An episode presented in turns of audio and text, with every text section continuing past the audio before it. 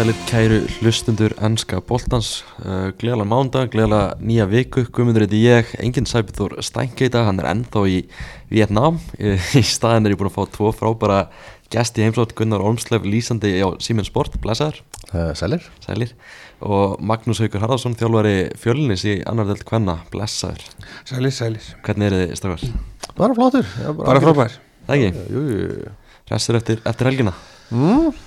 Já, já, bara nokkuð gott sko. Allavega ennska bóltanslega að sé þá er þetta bara fín fókbaltælgi sko. Mm -hmm. Algjörlega bara fullt af skemmtilegum leikjum að baki. Maggi, fyrst þú ert hérna, þá langum mér að byrja í London. Brentford, Liverpool, fjögur eitt. Lókanæðistan þar veist, þetta er svona fyrirfram kannski svolítið svona smá trikki leikur að fara veist, að útvölkja Brentford en hvernig bara leiðir, leiðir eitthvað einhvern tímpandi eins og þetta væri einhver hætta Ég sko svona, svona fyrirfram fyrir leikinu þá hef, Leopold hefur verið í svona smá brasi hana og Brentfordlið er eru sterkir í, í hérna fyrstu leikadrum og liggja vel tilbaka og, og hérna ána Leopold skora fyrsta marki þá náttúrulega fær kemst tóni hann í gegn mm -hmm. en eftir fyrst, eftir að marki kom þá var þetta svona sem aldrei hættu og, og hérna ég held að þetta sé kannski vonandi svona turning point líka fyrir Darvin Núñez einn á móti markmanni að hann gæti gefið að sjóta, hann gæti farið fram í markmanninu eða bara skotið fram í hann hann ákveður að vippi yfir markmann sem er 1.95 og hann stóð bara. Það segir svolítið bara um sjálfstörsti held ég hann líka að, hérna, og þetta var bara stórgóðslega mark líka bara skallin hjá Jóta til að setja hann í gegn og, og hérna Tómas Frank saði nú bara líka eftir leikin að Leifupúlið er alltaf er ekkert lið betra heldur en í þessum skindrisóttum það hefur alveg sínt síðustu, síðustu, síðustu leiktíðir og hérna og síðan bara svona eiginlega tókuður algjörlega yfir og, og þetta svona matlaði áfram en þetta eru uh, svartir blettir, ég meina Curtis Jones þeir meitur út af uh, Jóta meitur út af og hann er allan frá í tvo mánuði mm. það leita ekkit vel út hann, uh, leikmaður náttúrulega keiri svona upp, inn í henni upp á hann og og lendir svo á, hvað segir maður, svona nýðið sem er alveg í stöðu og, og maður sér alveg höggið en þetta verðist nú ekki vera eins alvarlegt en þetta er samt, ég meina, tveir mánuðir og það er februar þannig að ég, maður veit ít hversu mikið hann tekur þátt meira og svo náttúrulega var núnist tekin út af í svona precaution í hálfleik mm -hmm. um, Sala náttúrulega kemur inn og, og náttúrulega er stórkostlegur skorar eitt og leggur upp eitt og og sýnir það bara enn og aftur að veist, þetta er besti leikmaðurinn í ennsku úrvastildinni uh, hann og Kevin De Bruyne. Þó að, hérna, Sala kannski fái minni ást frá, frá hérna, Breitlandsheim heldur en De Bruyne að þá, ég meina, ég held að sjáu það flestir hvað hva hann gerir bæði fyrir liðið og, og síðan náttúrulega bara gæðin í, í hérna, uh, hvernig hann klára færið og sendingin og makalefti sem er náttúrulega frábært frábært mark og, og hérna hann að já, ég meina, liðbúlið er í góðun gýr og, og það skiptir ekki máli. Menna, Conor Bradley kemur aftur inn eftir að hafa mist föðu sinn og, og já, ég menna, ég ætla ekki að segja að menn geta glemt eh, Trent Alexander Arnold en, en ég menna, ég hef ekki séð svona innkomi bara í langan, langan tíma hjá bara einhverju gæðin sem var láni á boltan í fyrra. Nákvæmlega. Að koma svona í úrslutina þannig að já, ég menna, Leopold var frábært í, í þessum leik á móti eins og þessi anstæðing sem er snúin. Mm -hmm, Algjörlega, Gunnar. Hann að markið hjá Darvin Núnes mm. Menn, elskar að tala um hann að gæða virkilega skemmtilegur nági og skemmtilegur fókbaltamæður þetta var afgræsla sem maður hefur ekkert séð oft hjá hann Nei, þetta var ekki, ekki líka ekki það sem maður átti vona á sko. ég átti frekar vona að myndi veist, feika sendingun og reyna að komast á hæri fótinn einhvern veginn ég er ekki vissum að þetta sé afgæðslega sem ég myndi vilja sjá frá honum of oft sko, þú, veist, þetta, þú, ert, þú skorar ekkit oft þetta mark. Mm. þetta er ekki rétt ákvörðinu þetta marki sé geggjað.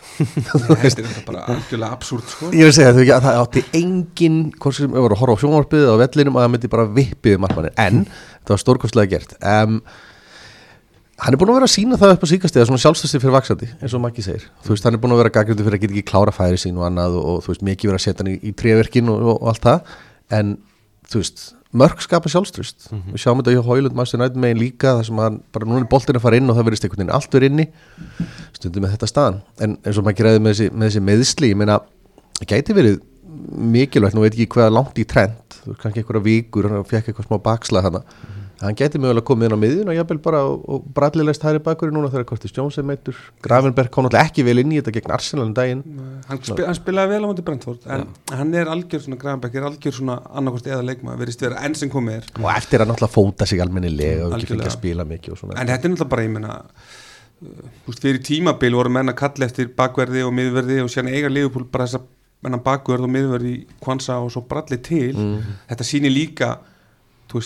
hvað segir maður veist, mátt uh, Klopps og hans starfslið hvernig er fá bara leikmenn í staðans að vera að kaupa og kaupa og kaupa þá auðvitað hérna, er líka þetta að þjálfa leikmenn og, og gera leikmenn betri og, og Liverpool allavega hafa verið að gera það svona síðustu misseri að leikmenn úr úlinga akadémium er að koma inn meira enn hjá öðrum liðum til dæmis. Þannig að Þessi, þú veist, Conor Bradley bara hversu geggjaður er þessi gæ bara, bara frábær, hann hefur komið mjög, mjög mikið óvart. Ég, ég vissi ekkit þannig að sé hvað gæði þetta var sko, fyrir hann allt í hennu bara sprettur út og, og hann vera með fullt sjálfströst og þú veist, hann er óhrættu við bara að taka menn á og skoraði hérna um, um daginn snirtilegt marg, þú veist bara, er allt gæja er bara geggja og það er svo gaman að sjá þetta þegar menn mæti inn bara óttalausir, þú veist, og, og, og kannski það er mörguleiti, kloppa þakka líka því að sjáum hvernig kloppi er á hliðalínunni hvernig hann er að stappa stál í menn og hvað hann er svona ég, ég, ég, ég bara veit að góðu maður og mann.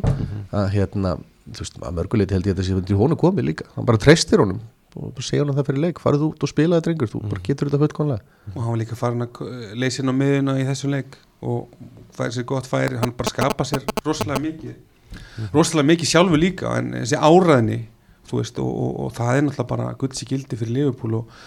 farandi inn í næstu veist, ég meina það er hátt í gæti verið hátt í 23, 4, 5 leikir eftir að tímabilið Liverpool, samt búin að spila held ég 37-8 að hérna, það er rosalega mikið eftir og, og hérna, það má lítið út að bregða en, en eins og ég segi, er að fá leikmenn inn, að missa þrjá út.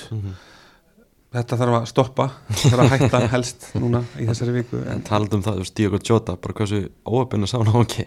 Já, þetta er bara svona saga, hans síðustu tvekja tímabili er þetta hérna, og hann, fær, hann er aldrei frá í veist, viku tvær, hann er alltaf frá í, í fjórar pluss vikur og, og hérna, og þetta er oft svona svona freak meðsli eins og þetta er bara óhefn og ekkert annað og, og hann hefur verið í smá svona ég held að þetta sé bara ómikil FIFA spilun hann sé að storkna svona upp í þessum ég vöðu honum í hinum meðslunum en þetta er alltaf 2-3 mánuður verið vera hjá honum kallinum og að því að hann, hann var leikmaður mánuðarins núna í januar og, og svo er hann farin út núna og spilar líklega ekkit aftur kann, nær kannski mæ ef maður veit það ekki.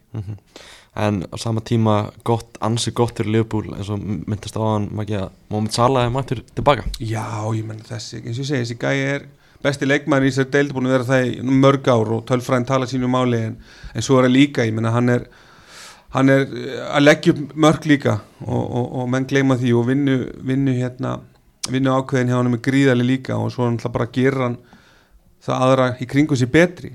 Og Leopold er hann auðvitað hættulegra með hann í liðinu. Og ef hann, hann nú ekki oft sem hann meiðist að, að það á ég menna Leopold. En svo nú eitthvað verið að tala um það að hann hafi fengið smá bakslag. Hann held ég upp ekki hafi ekki verið að hann hætti að spila 60 mínútur en það var einhvern veginn kannski ekki komist hjá því út, af, út af þessum teim meðslum hann að hann kemur hálfleikur.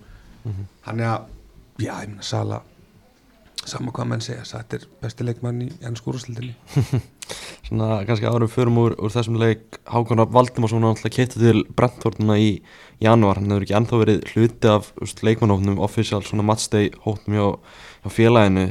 Hvað finnst ykkur um þessu ákvörnum bara? Með svona virðist vera sem hann verði bara þriði margmaður út tímabilins í eitthvað svona æfingaprógrami svona einhvern aðlögunar prógrami Mér finnst það allt í lagi í sjálfu sér. Ég meina, hann hlýtur að hafa fengið einhvers konar skilabúð uh, þegar hann er að skrifa undir eða þú veist, hann er að tala við forðamenn og Thomas Frank og fleiri. Um það að hann sé, uh, þú veist, partur af þessum hvað, 25-30 tímanna hóp eða eitthvað svo leys og sé bara í baráttum það að, komast í allan að hóp fyrir leiki hvort að Brentford sé jafnvel með eitthvað svona plan um að, um um breyta til eftir tímabilið að einhver af þessum þessum markmennum fari, þá, þá hérna geti það verið, mér finnst þetta ekki endilega slæmt. Ég átti alls ekki vonað að þau myndi bara koma strax inn í þetta. Þú veist, hann er ennþá hann er ennþá nokkuð ungur, hann þarf kannski aðeins að aðlagast umhverfinu. Og þetta er kannski þetta er líklega erfiðasta staðan til þess að koma inn bara hérna sem hérna ungu maður blöytur og bekku eirun sko, þannig að ég hef ekkert mikla ráð að gera þessu ennþá allavega sjálfur. Nei, nú, ég meina hann, er ekki að fara í hann er ekki að fara í norsk úrúsildina eða eitthvað svoleiðis, hann er að fara í ennsku úrúsildina þetta er stærsta sviðið og, og hérna kannski ávíkjurnar eru jú maður, eh, hvort hann verði þá starter í, í landslíkjunum á móti ef að þá við spilum á móti e, Ísrael. En þú veist, þá, er- er þetta alltaf umtalum leikæfing og annað. Rúnar Alex er ekki að fara að spila í FCK, menn að Grabara er núna. Þannig að eini af þessum þrem sem er að spila, þá er það Elias en með við framistuðu þá ætti Hákon að vera nummer eitt og ég held að flesti sé nú sammál um það en auðvitað gæti þetta spilað inn í varandi einhverja leikæfingu en mér, mér finnst það ekki, allan að vonandi ekki að, Ég veist að verði samt það í markinu sko. Ég held Já, ég er alveg algjörlega sammála því en maður veit aldrei með þessa með þessa þjálfara hvað er ekki Uh, ennska úrvastöldin er heldur betur að þróast skemmtilega, svona sérstaklega toppartar núna, Liverpool á tótnum með 57. Uh, þetta þryggja þetta kaplöp, Liverpool, Arsenal, Man City það er að þróast virkilega skemmtilega þetta lítur út fyrir að þetta verði bara mjög spennandi fram til enda. Já, ég að finnst, Arsenal virðist alltaf vera sterkar enn í fyrra. Hann er búin að finna einhverja formúlu og kannski það sem hefur verið arteta til haps er að hann getur spilað svolítið á sama liðinu aftur og aftur og, og ég meina slakastilegu Liverpool tímulum var visslega gegn Arsenal og Arsenal spilaði vel en á sama tíma voru Arsenal búin að spila þrjáleiki í janúar og Liverpool sjö þannig að þetta, veist, þetta spilast alveg upp, svolítið upp í hendurnar aðeim og það, þú þarft hefni í titilbáratu þú þarft domgæsli, þú þarft bara alls konar hefni, meðsli og allt þetta. Þetta spilar allt inn í, núna eru við að fara inn í inn í crunch time núna í mars-april sem er bara eru, eru hættilegusti mánuðinir í svona baráttu og, og það verður fróld að sjá mentality hjá svona þessum leikþætti sem er í gangi hérna á Emirates. Arsenal vinnur 5-0 sigur á mæti Burnley. Þeir eru búin að skora hvað er búin að skora 14 mörk í sérstu þremur leikjum uh, alvöru gýr í Arsenal akkurat núna?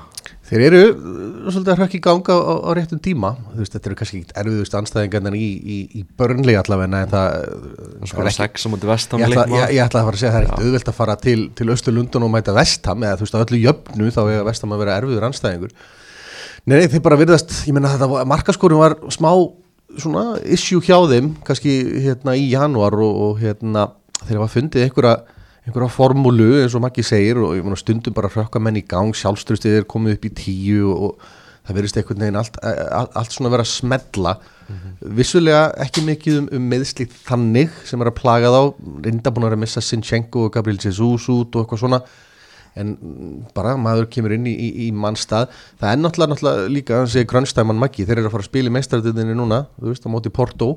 Um, þannig að, þú veist, það er þessi tími árs núna að koma þar sem að álægið ekki staðins ef þeir ætla að halda sér inn í meistardöðinni allan tíman og það er eitthvað sem Arsenal er ekkit vant undanfarið ár, þú veist, að vera bæði í titilbáratu og ennþá í meistardöðinni þannig að það mun reyna á já, bæði leikmenn og Arteta að- stígu upp sko. Mhm, Ekki það- er náttúrulega þessi eiginlega spurningan kringum Arsenal hvernig er bara höndla þetta clutch time veist, það er akkurat eins og ég segja meistarlega að fara, fara fulla ferð núna veist, og þessi mikilvæg leikir í ennskúrúslunum pressan er undir, það kannski náðu ekki alveg að höndla í, á síðast tímpili, náðu þeir að gera veist, núna, það er veist, það er kannski spurningin. Menn hljóta að vera reynslunni ríkari þú veist, það er, það er ári liðið þú veist, þeir voru í þessari barátt í fyrra þeir, þeir, þeir náðu ekki að klára þetta það sem þeir eh, mistiðu sig aðeins að undir lokin, en þetta er að stóru leiti sami hópurinn, þú veist, þeir bætir raun og veru einhver inn fyrir David Ræja og, og, og hérna Declan Rice, þannig að ég, ég, veist, ég hef alveg eins trú á því, þú veist, mér finnst einhvern veginn eins og, þú sitt ég að vera mjög sannfærandi. Þeir eru svona, svona örlítið hyggstandi kannski sjálfur. Menn að Arsenal og Liverpool verðast þeir í, í fullu fjöri það er erfitt að segja til um það en, en ég myndi halda að þeir allavega séu reynslunni ríkari þannig að þeir séu betur setti núna heldur inn í fyrra. Maður ekki lítur á Arsenal sem bara svona alvöru keppinu í þessari titilborti Já, ég menna, þeir allan eins og ég segi, mér finnst, mér finnst alveg ákveðið statement þessir, þessir tveir sigrar úti Vestham og svo Burnley. Mhm. að því að þú veist, ég ætla ekki það er ekki lengur erfitt að fara á törfmór sko.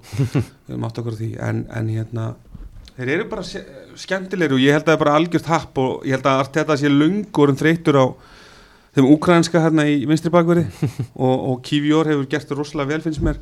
Að því sem ég veist bara Sinchenko ekki nægilega góður í, inn í þetta system hjá Arsenal. Og hann er oftast sá leikmaður sem að svona gefur eftir varnarlega og leikmenn og lið nýta sér það. En já, ég menna það væri, það væri heimska eða fáviska að segja að Arsenal væri ekki titilbarðu uh, en eins og, eins og Gunni segir þá er það er eiga meistardildalegi og þeir hljóta, ég menna meistardildin í ári er dauða færi það er ekki droslega mörg afgerandi lið. Þú veist, það er City sem er svona held ég hen- stærsti kontenderinn og síðan er þetta svolítið bara svona, já, Arsenal, akkur getur Arsenal ekki farið í úrstalegin og alls svo einhver önnulið, sko, þannig að já, ég menn Arsenal eru bara á góðu róli. En það er spurning hvað ef það lenda í einu, tvei meðslum hvað er eiga þá í hérna, pókahotninu hvernig við minnum staðist á Burnley.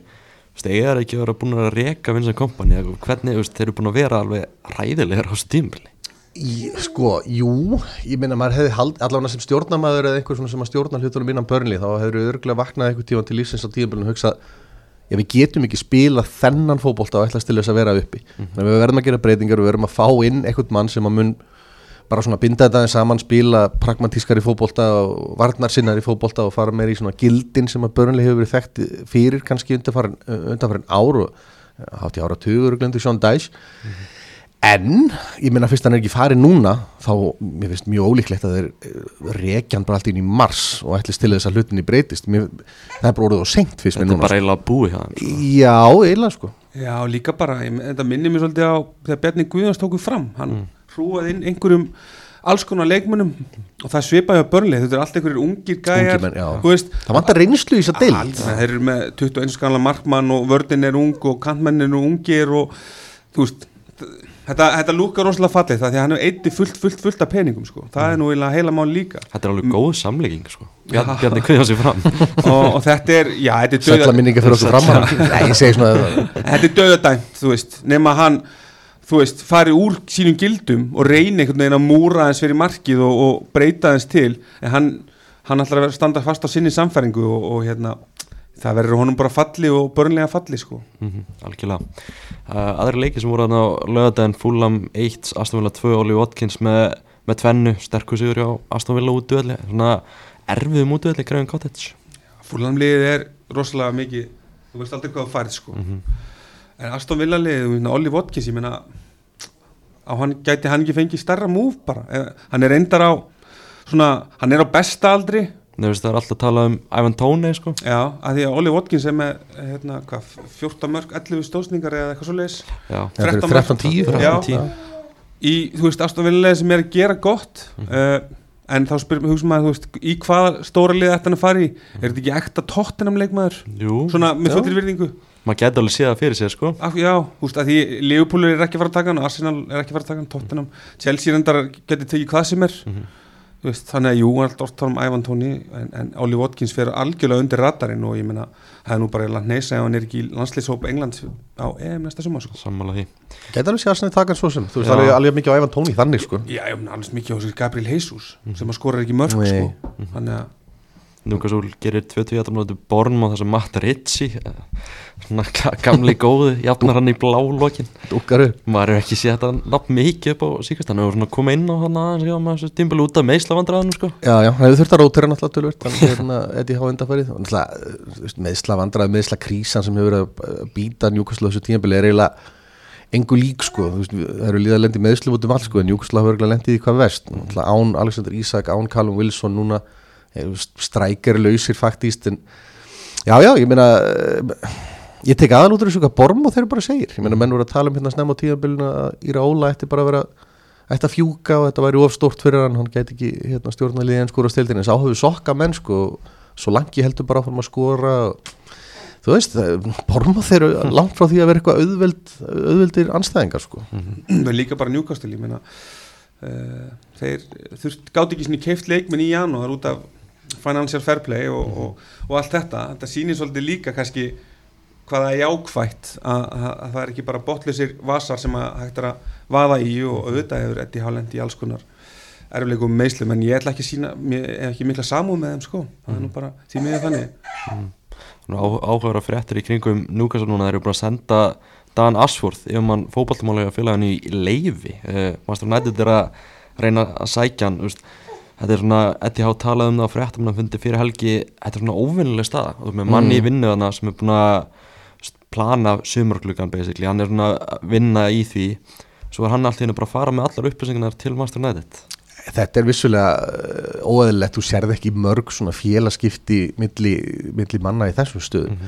En ég skil ég skil Eddie Há og ég skil stjórnarmenn njúkuslu vel að senda þér í leifi þú veist, ef þú ert ekki með hausinn á réttum stað að þá er það bara góðu stjórnarhættir að vera ekkert með mannin hérna á skrifstofun eitthvað þegar hausinn er eitthvað starf allt annar staðar. Og, og Eddie Howe held ég að hafi talað um það líka hann vildi bara að hann byrja leysast sem allra allra fyrst, þannig ef að Dan Ashworth vill, vill fara og Manchester United geta borgað þú veist, fyrir hann það sem að Newcastle vilja að þá held ég að það sé öllum bara fyrir bestu að hann fái bara að fara. Og Newcastle getur þá bara fengið smá tíma fyrir sumarið til þess að, að, að, að sko staðsýtti sig líka rétt og kannski finna réttan mann til þess að taka við þeim störfum og einhvern veginn svona rótara þessu innan félagsins. En, en eins og segir vissulega skrítin staði sem komin upp sko. Mhm, Það talaði um það að Newcastle vilji fá 20 miljónir punta fyrir Ashworth Já. Þetta er alveg stórmerkilegu verðmiði fyrir yfirmann fótboltamála. Þetta er orðin svona, þetta er orðið hálf farsakent sko, og, og svona umræðning kringum þetta United, þú veist, jú það er verið að uh, reyna að gera eitthvað bak við tjöldin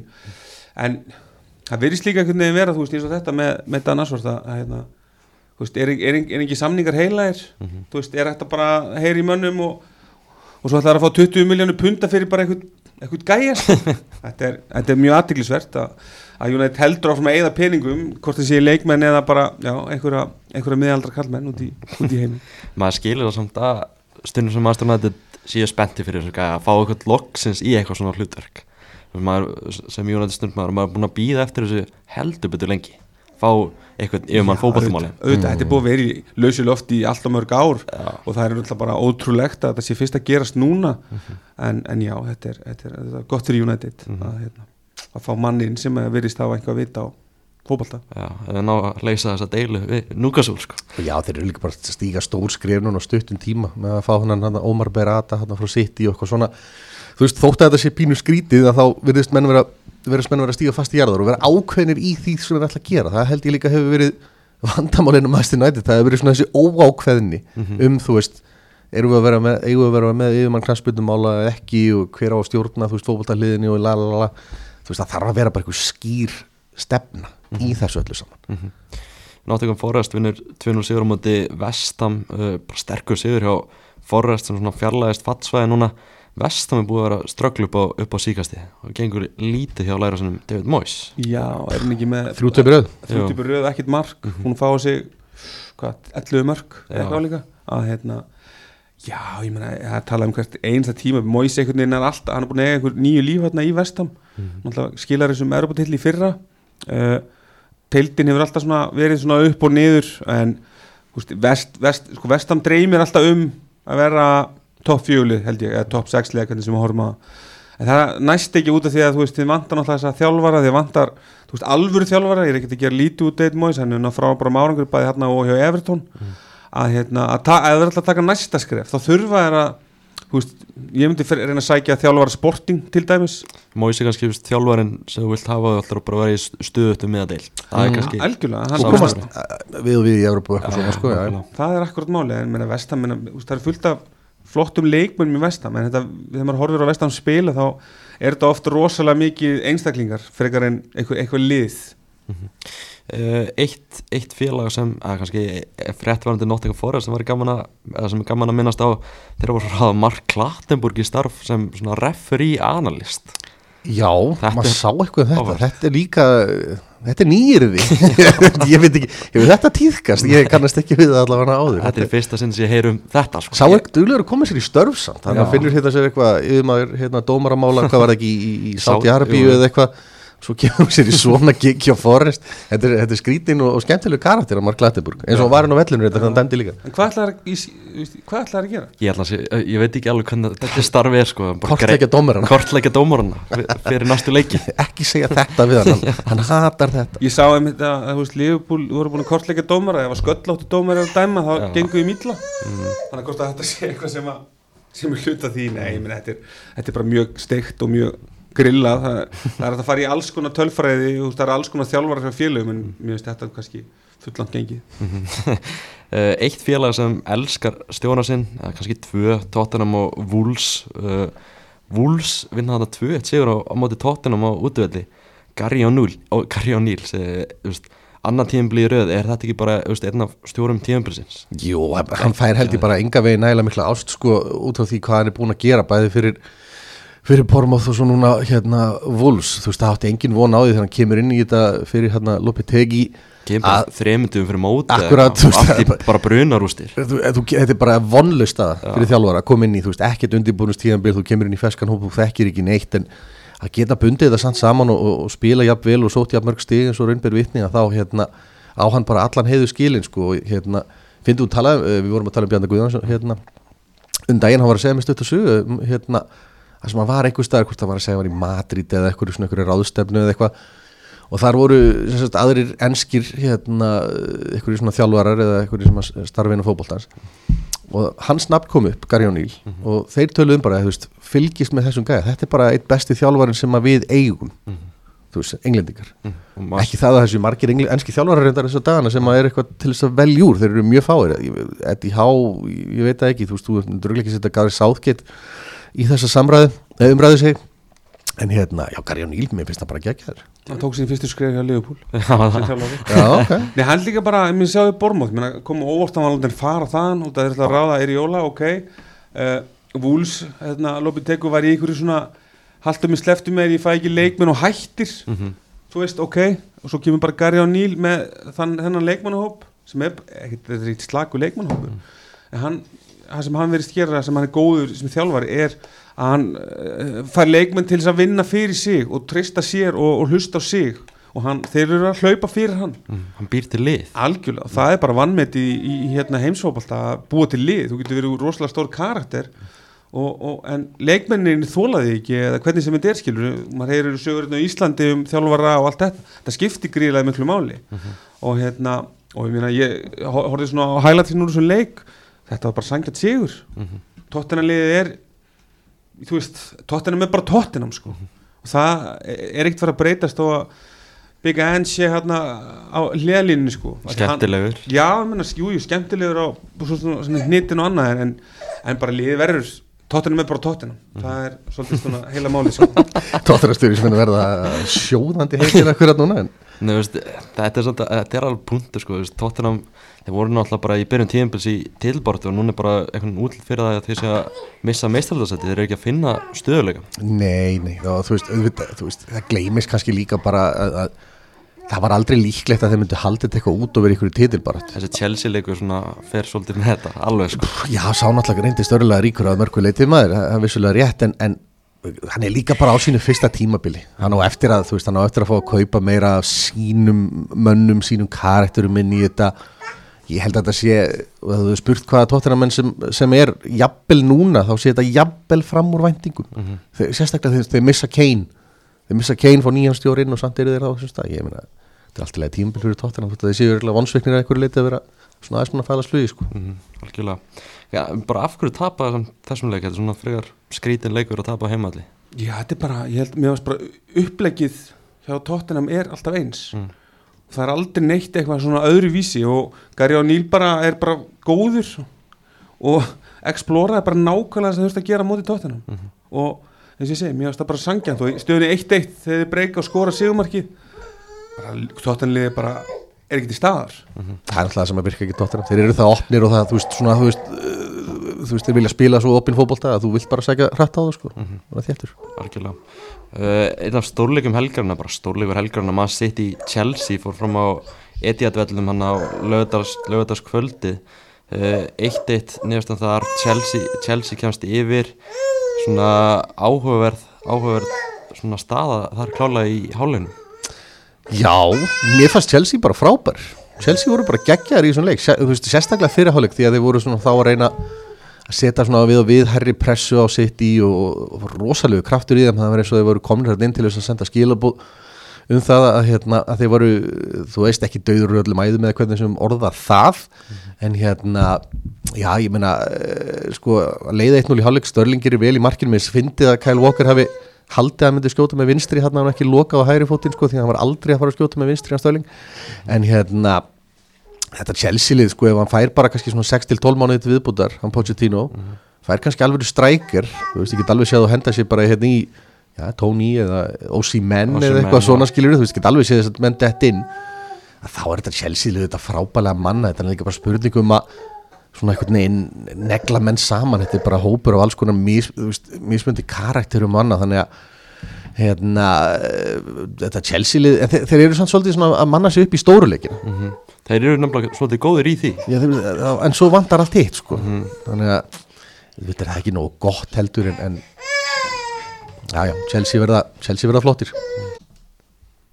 Já, eitt eitt niðurstaðan í, í þessum leik uh, til og með að ræðum störling kemur Chelsea yfir í hálfleik 1-0 í, 1-0 í hálfleik en svo kemur City kannski út í setnáleikin eins og maður bjóst við eru með algjöra yfirbyrðið eru að pressa og pressa uh, að tímabundir leit út fyrir að markið myndi ekkert koma hérna Nei, þetta var líka svona aðeinsverið leikur fyrir þess sakir að líkansjárang sittileikmann allan leikin, þeir eru alltaf eins og við séu þeir eru svona smá mó, blæsa þess á móti og það verður alltaf eins og litli krakkarinn á vellinum. Sjáum við eftirleik hérna myndavelin og Holland og hann er eitthvað að slá frá og Rodri að væla í viðtölum eftir leik og City búið mjög heppi síðustu ár með dómgæslu sérstaklega á, á margan, margan hátt. Og allast til að fá víti enn í lokin þegar boltin er í höndunum og báðum leikmónum að mínum að allavega sem, sem að sýndi í sjónvarpinu þá er þetta ekkit vítaspinna og mér varst bara Chelsea eða Pochettino, mér varst hann klúra leiknum þegar hann tekur út hérna, í stöðunni 1-0 fyrir Chelsea. Og tekur hann út af Palmer og hann fyrir algjör, alltaf algjörlega auðvitslega að verja fórustuna en þá missir hann svolítið þegar að Chelsea fekk boltan og gátu breyka, þá var ekki til þess að breyka. Þessi er góða punktur setur hann inn hann að Chalobah, Cassidy inn fyrir Palmer og, og Jackson. Já, hann ætlaði bara að halda sérnum eða þú skilur, hann ætlaði bara að, að halda því sem komið var en menn voru held ég örgulega fartin að þreytast eitthvað líka það fara mikil orka í enn leik og annað en þetta getur maður gaggrið það þegar að þeir tapa svo niður þú veist, fórustunni en, en að samaskapi ef þetta myndi svo hafa gengið og þeir eru bara múra fyrir og haldi hérna 1-0 sigri á etja þá myndir maður eflust hrós honum fyrir það sko. kannski skrýta hendi ekki múdrygg samt inn á í þennan leik að breyka í Já, lokin. það er í lokin, já, já Já, ég er samt ég meina, sem ég held að mútur er einhver stæðsta ráðgáta bara Evropafútboltans held ég Já, þetta, er einhvern veginn bara hann, jú, hann á nokkur leiki þetta með Sjaktar Mhm. og Ars, hann er bara komin til Arsenal og, og, og fer svo til Chelsea og, og er búin að eiga þennan feril sem er bara mjög aðteglisverður uh, Sitt í jafnar hann í lokin Rodri, maður stóruleikana Já, heldur betur maður sákaði stígur upp maður og, og þýlikur leikmaður sem hann er maður, hann er algjörlega potturinn og pannan í þessu sitt í liði sko, þú getur sagt alls konar hluti um, um, um þú veist, Holland og De Bruyne og eitthvað svona, en, en þegar Rodri vandar sko, þá eru þeir í vandræðum, hann er ekki búin að tapa leik í eitt ár, Já, þetta er galinn tölfræði það er ruggluð tölfræði, bara þú veist uh, tapa ekki fótboltaleik í heilt ár, það er alltaf bara eitthvað sko eitthvað allt annað en hérna Já, já, maður held samt líka eftir þetta mark datt inn, ég man ekki á hvaða mínútu var þarna, hvað, 80 stuð eitthvað, já, að hérna, þá held maður að þeir myndu jafnvel bara, þú veist, bæta öðru við, sko, en hérna, eins og þeir hafa gert áður og hérna, og halda einhvern veginn áfram að gera, en, en hérna, já, Rodri er, er, ég held að hann sé bara jafnvel besti fótboltamæður í heimi ekkur og núna, sko. Já, ég get alveg næstu tekið undir Já, það, er, engin, er mikilvægur held ég fyrir lið eins og, eins og Rodri er fyrir. City og, og hérna og, og, og horfa á hann veist, og líka bara hvernig hann fagnaði markinu og hann er farin að skora ofan og allt hitt og síðan bara, ég meina, mannstu City liðið er, er ókvæmlegt en það er samt þetta eins og sé, í lokin eftir leikin og, og svona mér fannst þetta svo daburt Mm. þeir töpuðu ekki leiknum og þeir voru jú, ég vissilega betra liðið en þeir fundu ekki lásinn nei, hérna líkilinn af lásnum svona framan að leik og markið sem skora er ekki eftir eitthvað uppspil eða eitthvað spilanett heldur bara boltin fellur út í tegin eftir svona búin að halda boltanum í góðan tíma og allt það. Og síðan Holland, ég menna ef að Núñez hefði mistið öll þessi færi hann væri, væri Dominos í Breitlandi búin að gera eitthvað grín og eitthvað svona. En Holland fæði sko fjögur eða fimm dauða færi í þessum leik og, og það er bara, þú veist, ég ætla ekki að ræða eitthvað frekar, menn menn klúra bara færum og allt það. En, menna, come on, ég menna gæin óð í færum. Maður hefur bara, maður nefnilega aldrei sé svona leik hjá Ellen Konar, bara nánast sko. Hann hefur satt aldrei verið eitthvað frábær skallamæður, en svo er þetta bara, ég menna.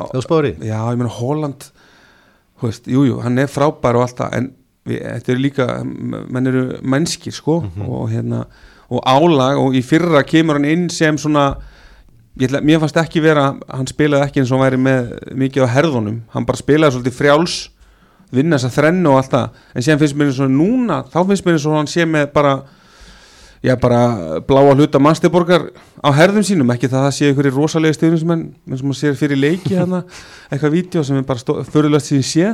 Að hérna, en skilji hvað ég meina hann er einhvern veginn ekki eins gladur svona í fari heldur eins og hann var í fyrra.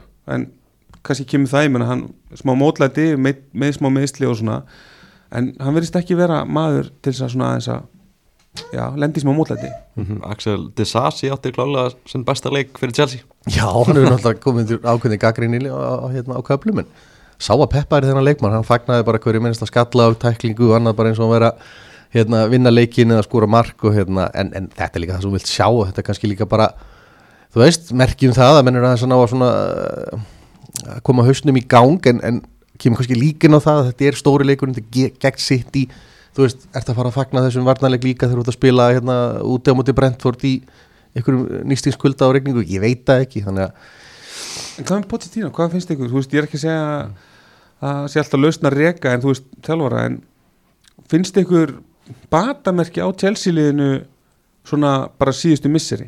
Svona, inn á eh, milli. Já, inn á milli nefnilega. ekki svona consistency en maður svona ég, ég sé hvað þetta lið getur orðið. Já, en þið sáum á móti Liverpool. Mm.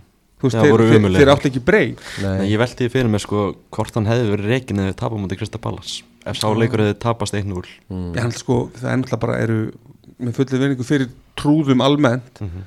þá er mannsmenti hjá Chelsea bara algjör trúða lest sko. Nei, þú veist, þeir bara Þetta- horfa Brighton er að gera og reyna að stela frá þeim þetta sko. er bara, þú veist, já, ég meina þetta er ótrúlegt að fylgjast með þessu. Án þess að vera bara með þann struktúr sem Brighton er með já, sko. og svo þetta átta ára samningadæmi, þú veist, þetta náttúrulega kemur í bakið á mönnum á endanum og allt það, en, en þetta er rosalega þú veist, það er ekkert verið að hjálpa Positino finnst mér, en Hann er góðu stjóri sko. hann er, já, Já, veist, já, hann er góð stjóri ég vorkir honum í þessum aðstæðum sem já, hann finnur sig sko. en hann er einhvern veginn sko, og svona blagamann fundum eins og hann talaði um að hérna, hún er fast að þegar Liverpool tapaði á mútið Arsenal Mhm. þá fór hann eitthvað að tala um það að að Liverpool var að tapa sínum fyrsta leik síðan í, þú veist, oktober þá fannst hann um Arsenal að það var ekki verið að ræða það aftur og aftur að Liverpool að tapa á mútið Arsenal Það var maður undir pressu sko.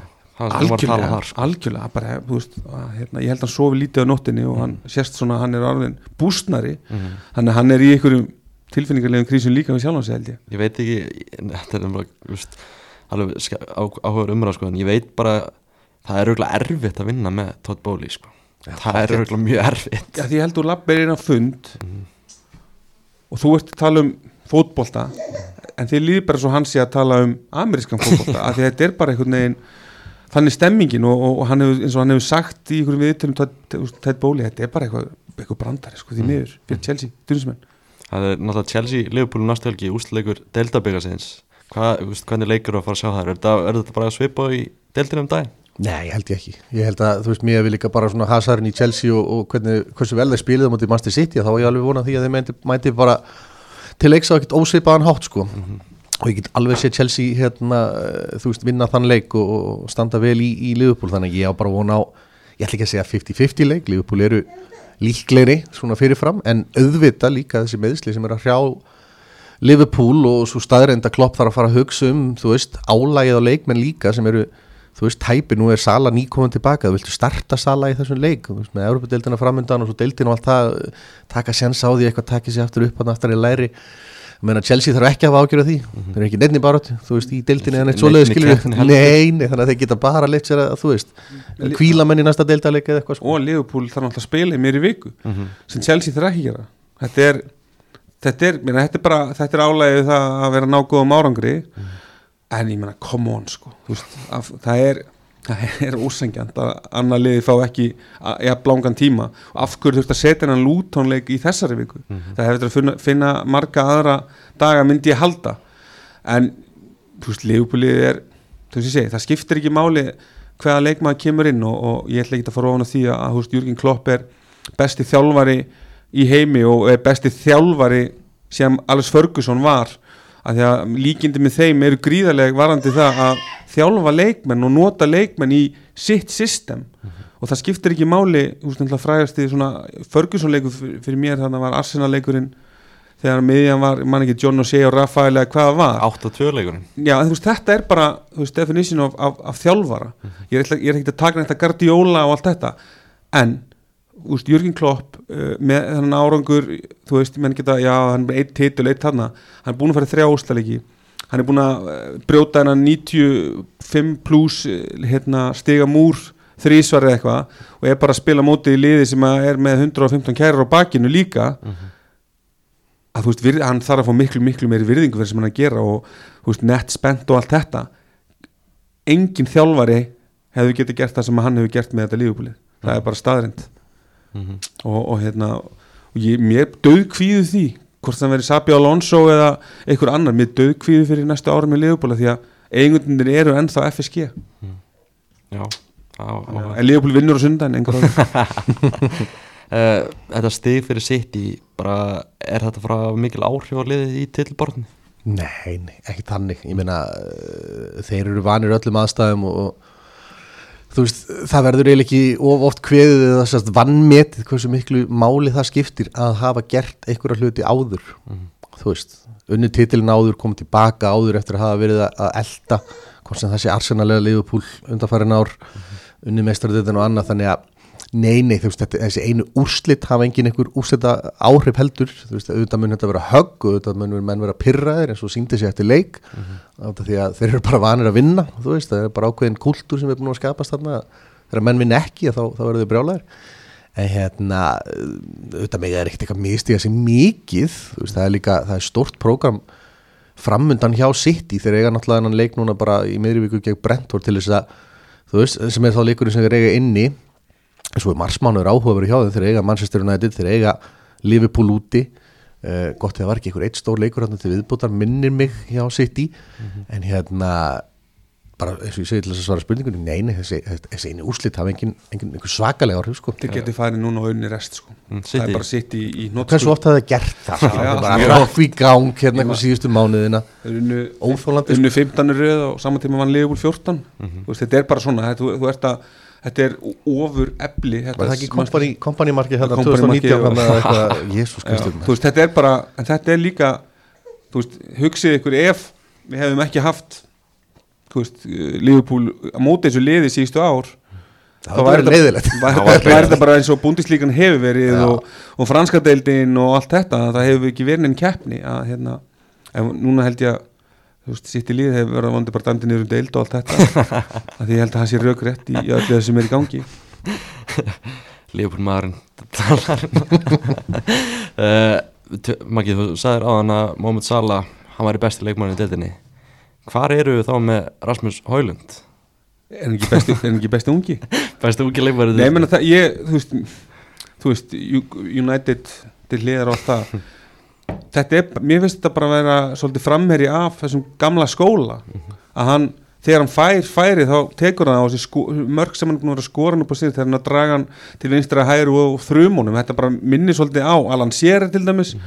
Og, og mér finnst líka liðið vera að fatta það að hann getur skora mörg Þeir loksins byrjar að senda á hann. Ég er að segja það, þú veist, það var einhver fáralegt tölfræði bara hérna strax í janúar um þetta þeir gef ekki á hann og eitthvað svona. En þeir eru farnir að gefa á hann og, og, hérna, og næsta sem að United þarf að gera það er að losa um Marcus Rashford koma með spilara þar inn móti Garnaccio og, og þá held ég að United geti farið að svona minna á sig aftur og, og jú, Casemiro veit ég ekki, hann er ótrúld að hann hafi fengið að hanga inn á melkina akkurat. En þetta er svona Un- United ef ég segi núna þá virðist að vera á betri leið og með það sem er að gera spaki tjöldin á réttir leið og vonandi, ég meina, það er alltaf leiðilegt að United sé ekki í einhverju baráttum titla þetta eru, Liverpool og Manchester United eru staðstu og mestu liðin á Berlandsheim og maður vill ekki þurfa að horfa að leikja sem að Liverpool vinnu 7-0 á mótið að, úst, vonandi næsta ár, næstu 2-3 ár þetta tekur tíma og ég meina ljósið í myrkurinu er miðumæðurinn ungi, Koppi Sáu er góður en það má ekki fara menn vera slaka á að hafa að tala um hann eða að fara á EM og okkur svona. Menn verða að slaka á líka að, að, hérna, að hérna, halda hérna, svona opnum sínum að sér.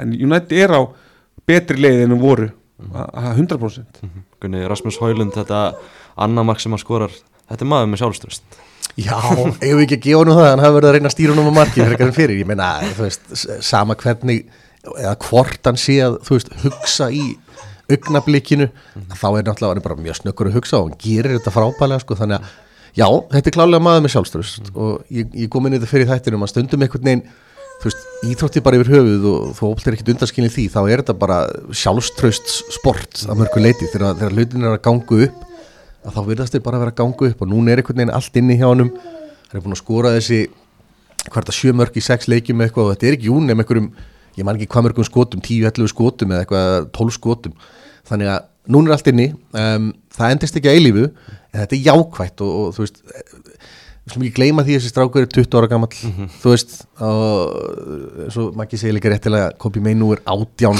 Þú veist, þetta eru menn til framtíðar en, en það má líka samtalið gaggrina það og þú veist uh, og náttúrulega bara skipulegið þess að hvað er búin að vera í gangi á Master United, þessi gæjar ætti ekki að vera að byrja hvern einasta leik eins og staðinu núna. Þeir ætti að vera koma inn á hér og þar og byrja leiki hér og þar og vera að læra af öðrum gæjum. Kannski eins og fyrir fóten fekk hjá maður sitt á sín tíma og svo bara sem dæmi, já, nákvæmlega, það er bara fínt dæmi. Þú veist, Peppar ekkert að drífa sig með að henda fótenni í byrjunlið hverju mennsta leik. Þannig ætti þetta að vera en, en Master United líf ekki við þann uh, kost uh, eins og staðinu núna. Svo er er þetta líka bara eins og með vördina sjáðu Luxjó fyrir út af meittur í gær það er alls konar meðisli svona búið að vera varnarlega hjá þeim. Maguire var í brasi í gær svona mestmægnis og Casemiro í miklu brasi. Ég meina Casemiro Við erum vera uh, bara hæ, er svona einhvern veginn eins og ráðgjöfið tempóið núna. Það var, mér, mér fannst bara magnað eins og sé, dómgæsla magnað að hann sleppi við setna gula því dómarinn stendur bara það er enginn sem er næri þessu broti heldur en dómarinn, hann horfir á þetta og hann þorir ekki held ég. David Coote hann er náttúrulega hræðilegu dómar já, já. en svo er ég meina að fara þessi, þessi lútonvöllin er alltaf geggja og mm. lútonlega er búin að sína það. Ég meina, þeir, þeir, hérna, Leopold gerir jættiblega á lokamíndinu, Arsenal náði að sigri á lokamíndu þetta lútonli er bara ógeðslega skemmt ja, og líka þeir þóra og Ross Barkley er bara að bossa þarna. Þú veist, Andros Townsend kemur inn á og sen eru nöfn þarna sem ég bara næ ekki að bera fram. En, og, en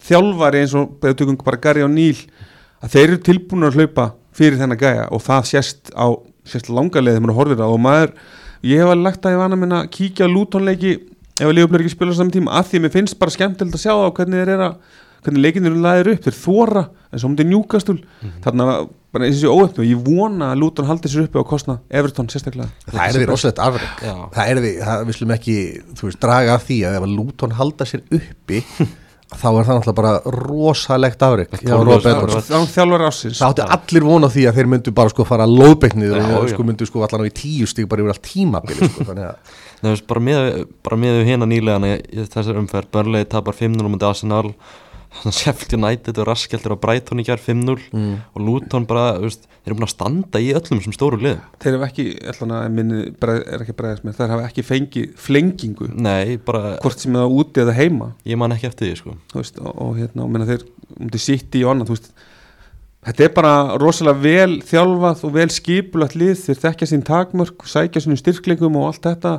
Og, og hérna og hann er eins og sé, hann er með leikmenn sem að fáir vita endilega hverjir eru og ég meina, eins og sé, Ross Barkley ef að, Kobi Mino á að fara á EM þá er Ross Barkley að vera fyrirlið á EM sko, hann er búin að vera rosalegur fyrir þetta lið en, en lítill, neða stór hvað sé maður, lítill Stór, fisk- já, stór fiskur, lítið þjórn að hann er búin að vera óbúslega góður og, hérna, og auðvitað búin að miðla og hjálpa til gríðarlega mikið hérna. Gaman að sjá hann endur þess að fyrir Já, ég minna hann, þetta var náttúrulega bara barnastjarna og tekur vittlist múf til Chelsea á sínum tíma og, og fyrirlin var svona alveg í, í, í vaskinum en, en hann, bara virðing fyrir hann að svona, gera sér gildandi aftur. Kannski, ég vona samt bara ekki að hann ætla að fara að taka þá okkar múf eftir tímabili, vonandi heldur Luton sér upp og hann heldur áfram þarna. En ég minna Lutonlið, þetta er bara eins og ég segi þeir eiga skilið að halda sér uppi þeir eru, er bara þannig en, en ég held svona, kannski inn í end þá munið er því miður verða liðið í átjöndasetti sko. Þetta er rosa fallega að segja bara Já, Luton sem voru í utandeldinni fyrir ekki svo lengur tíma núna bara heill alla í ennsku úrstæðinni þú sér líka bara munin á þessum þrejum liðum sem komu það er ekkert, úst, eins og segi það er ekkert í gangi hjá hérna, Sheffield United, þetta er bara, ég heldur fá ekki fleiri stig á tímabili, ég held að það væri bara mjög eðlilegt. Og, og Company þú veist, hann er hann er að þrjóskast við og ætlar að vera einhver rosalega flottur og, og allt það, í staðans að hugsa kannski bara um uh, að halda liðinu uppi. En kannski er það ekki krafa, ég veit það ekki kannski bara taka þér fallega pakka niður og fara svo beint aftur upp.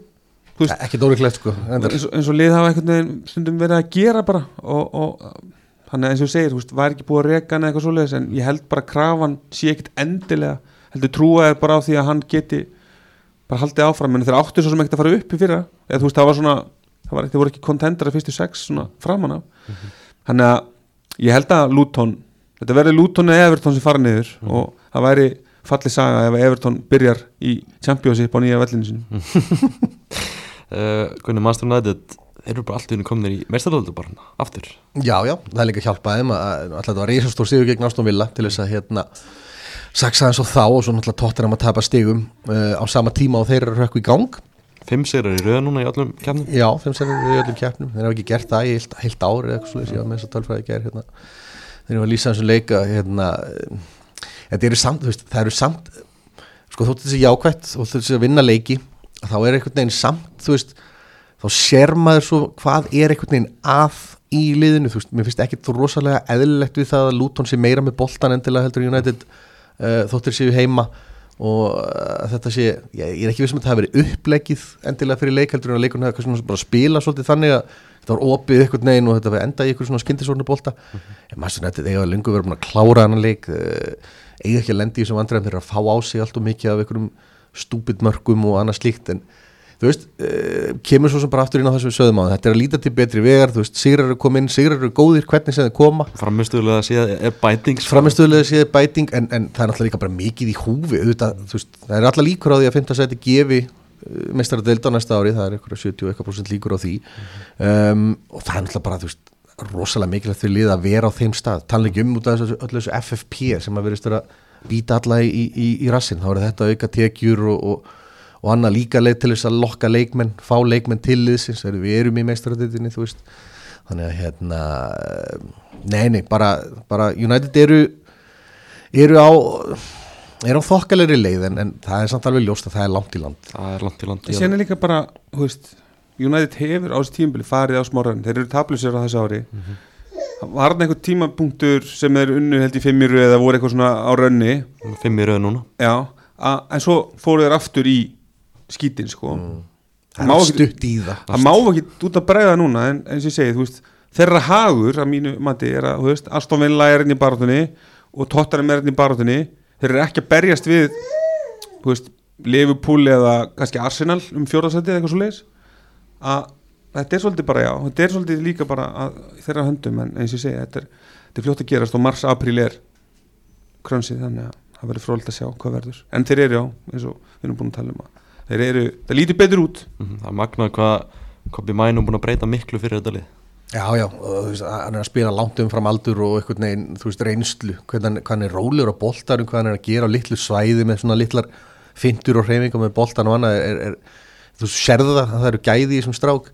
Uh, klárlega eitt til framtíðar sko.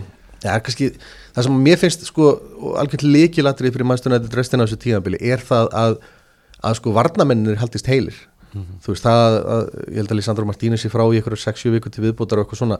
Luke Shaw meðist, maður ekki komið inn á aðan. Luke Shaw er mjög mikilvægur þessu liði þú veist það þurfa að vera með Viktor Lindelöf í vinstri og tekur úrslega mikið af þessu liði kannski sérstaklega sóknælega um, með Rashford þannig að hinum einn eða fyrir framann þannig að það sem er náttúrulega búin að vera að býta maður mikið á þessu tíðanbili er rótringu öftust línu, náttúrulega Liverpool lendi í þessu hérna, hérna fyrir hvað tveim tíðanbili síðan eitthvað svoleiðis að Van Dijk var mikið frá Matip var mikið meittur Konati var frá, þú veist, það voru þeir að endalust að rótri í öftustu línu, það er síðasta staðan síðasta línan sem þú vilt vera rótri í.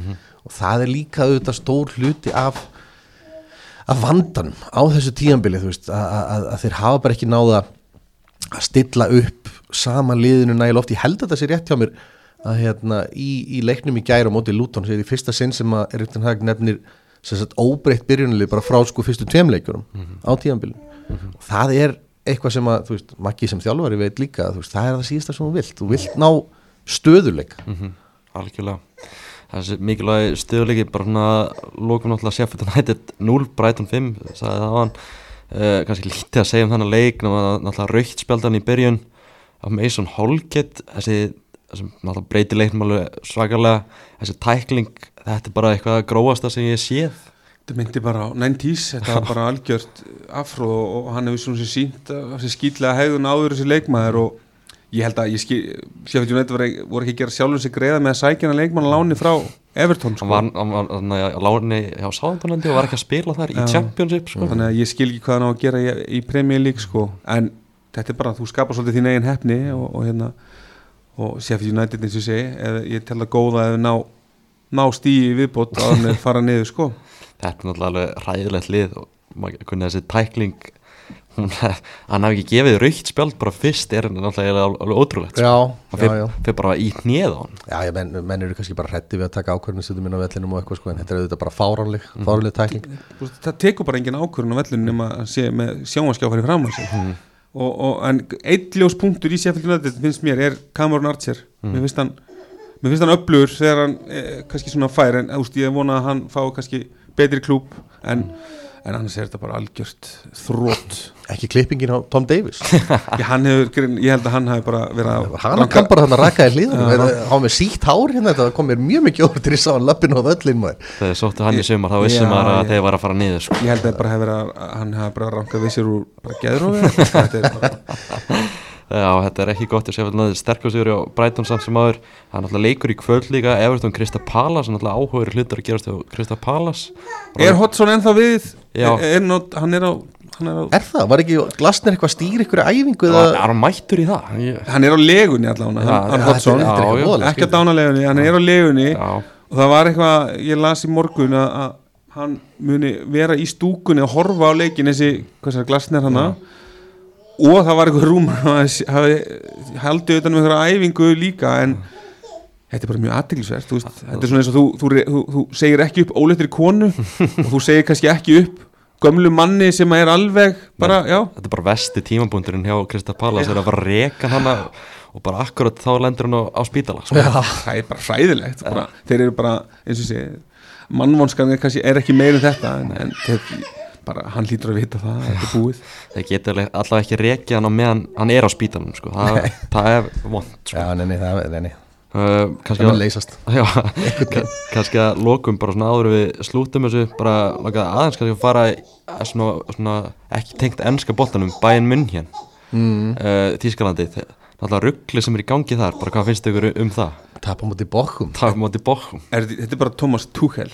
Já, þú veist, gæin er bara hræðilegur í samstarfi. Og það er ekkert skiptir ekkert máli hvað hann hefur verið. Ég menna, þegar Dortmund var hann hefur bara fengur nóg á honum. PSG þeir fengur nóg á honum. Og Chelsea, menn hann vinnur Champions League með Chelsea og allt það. Og hann er látið fara hvað tíu leiki inn í tímabil árið eftir eða eitthvað. Og þetta er bara, hann allavega sem að heyrir er það bara að að vinna með hann og sé bara ekki hægt. Það er bara eins og einhver hafi samt lagt álega á Harry Kane sko.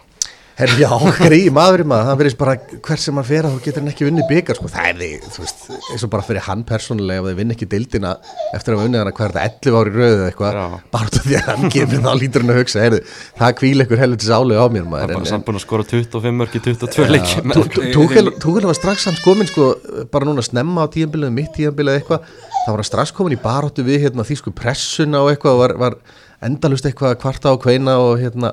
virtist vera mjög hörundsár sko, þannig að hérna, já ég veit ekki, kannski mikið til í þessu sem ekki segir að bara sem karakter að þá sé hann einhvern veginn bara erfiður eða eitthvað, ég, ég átta mikið alveg sko. Ég held líka bara, ég meina, þeir duttu út á móti einhverju liði annar tildin í byggarnum er að spila við er að við Lazio, er 1-0 undir fyrir næsta leik, Úpa Mekano er búin að missa hausinn, uh, Erik er að hann sé að starta, horfði á hann að Leverkusen bæin hann er að starta fram við Mattias til lykt það er það eitthvað mikið að. Í, er eitthvað mikið í gangi það og hérna, og ég er bara fagnar því að sjá Alonso og Leverkusen og að horfa á þetta Leverkusen spila fótball, það er unnaður. Mhm. viltu fá Alonso í lögbúl Ég held að það sé eins og stanir í dag eina, eina rétta en eins og ég segi að taka við Leopold er ekki hvað sem er. Mhm, algjörlega. Herri, Gunni, takk kærlega fyrir heimsóna takk kærlega Maggi fyrir að koma í heimsótt líka. Veist það? og já, dóttiðin líka búin að þreita fyrir mér sinna í hlaðarslegin Já, já, komið nóg í vinnu. Og takk fyrir að hlusta